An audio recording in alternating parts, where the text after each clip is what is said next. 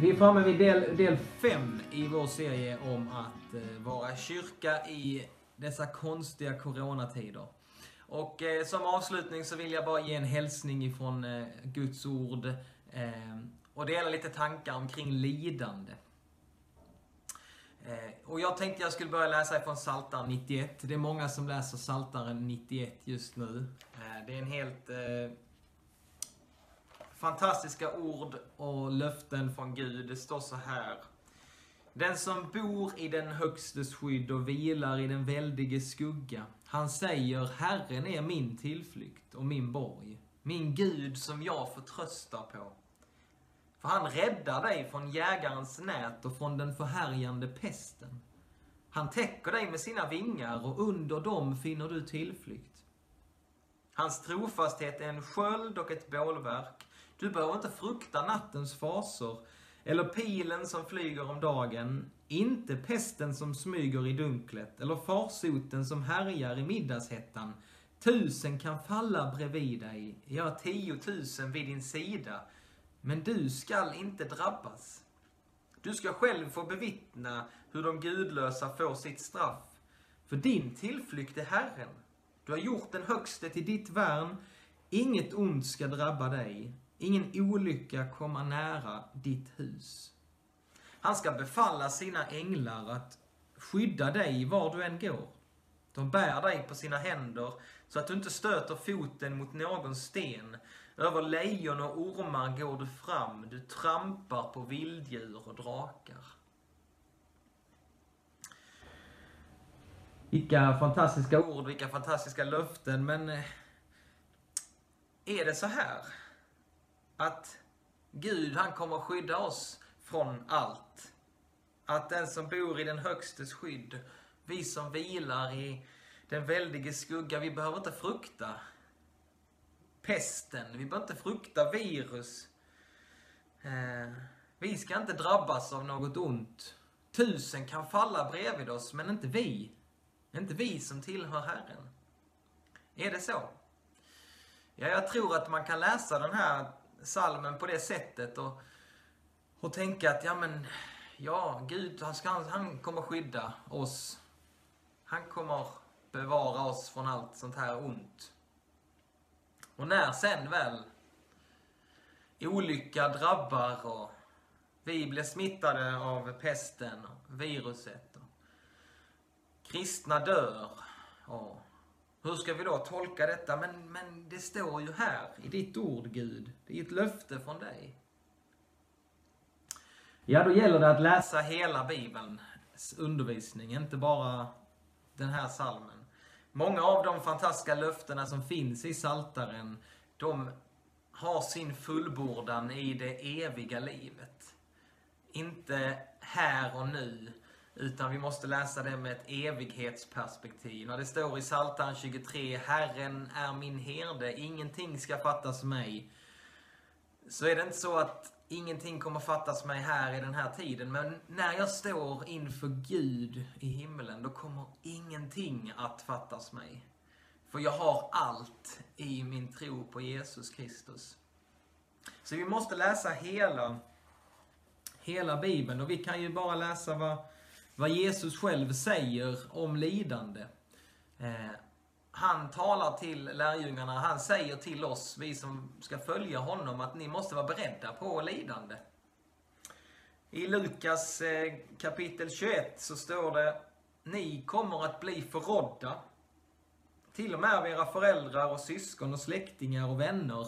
Och en del av er ska man döda. En del av er kommer man döda för mitt namns skull. Ni ska vara beredda på det, men, men Ska inte Gud skydda oss från detta? En del av er kommer att bli dödade. Och läser vi sen Paulus, hur det gick för Paulus, den stora evangelisten i Nya Testamentet, så vi kan läsa om hur det gick för honom och han fick utstå oerhörda lidande för sin tro på Jesus. Eh, en gång så står det att han blev eh, stenad. De bar ut honom utanför staden och så stenade honom där. Och de trodde att han var död. Och då har man nog kastat en del stenar på honom. Eh, men efter ett tag så reser han sig upp igen och så går han in i staden. Paulus fick utstå, han fick sitta i fängelse, han fick utstå stora lidande för sin tro. Men han skriver ändå så här i Romarbrevet, kapitel 8, vers 18. Jag menar att våra lidande i denna tid ingenting betyder mot den härlighet som ska uppenbaras och bli vår. Så det är tydligt när man läser hela Bibeln att vi måste vara beredda på lidande. Det finns ingen gräddfil för oss kristna, vi som tillhör Gud. Eh, utan allting som kan hända någon människa, det kan hända alla. Allting kan hända alla och vi måste vara beredda på det. Men när det gäller lidande så är det någonting helt fantastiskt med den kristna tron. För vi har en Gud som lider med oss.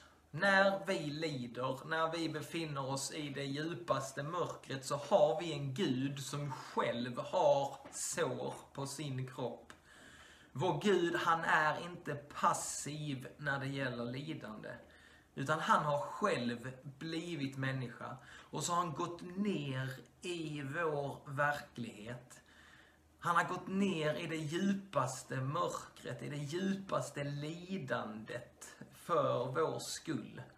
När han dog och när han uppstod för oss. Så när vi lider så har vi en Gud som vet hur det är.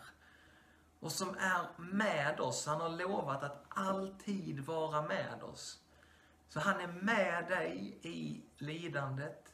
Han vet hur det är att lida. Han vet hur du har det. Han kan känna med dig. Han har sår själv på sin kropp.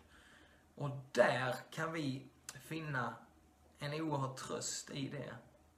Och han säger att jag, jag är med dig. Jag är med dig. Även om du dör så är jag med dig. Och jag kommer ta hand om dig. Jag kommer bära dig genom lidande, genom död, in till mitt rike. Mitt eviga rike. Du kan vara trygg i mina händer. Även om du får utstå lidande i den här tiden. Vi kristna, vi vet att vi har det bästa framför oss.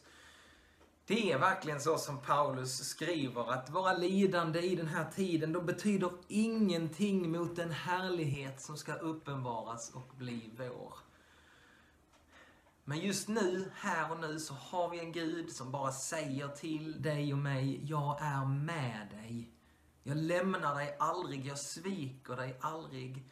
Jag är för dig, jag ber för dig och jag kommer bära dig genom allt. Du tillhör mig.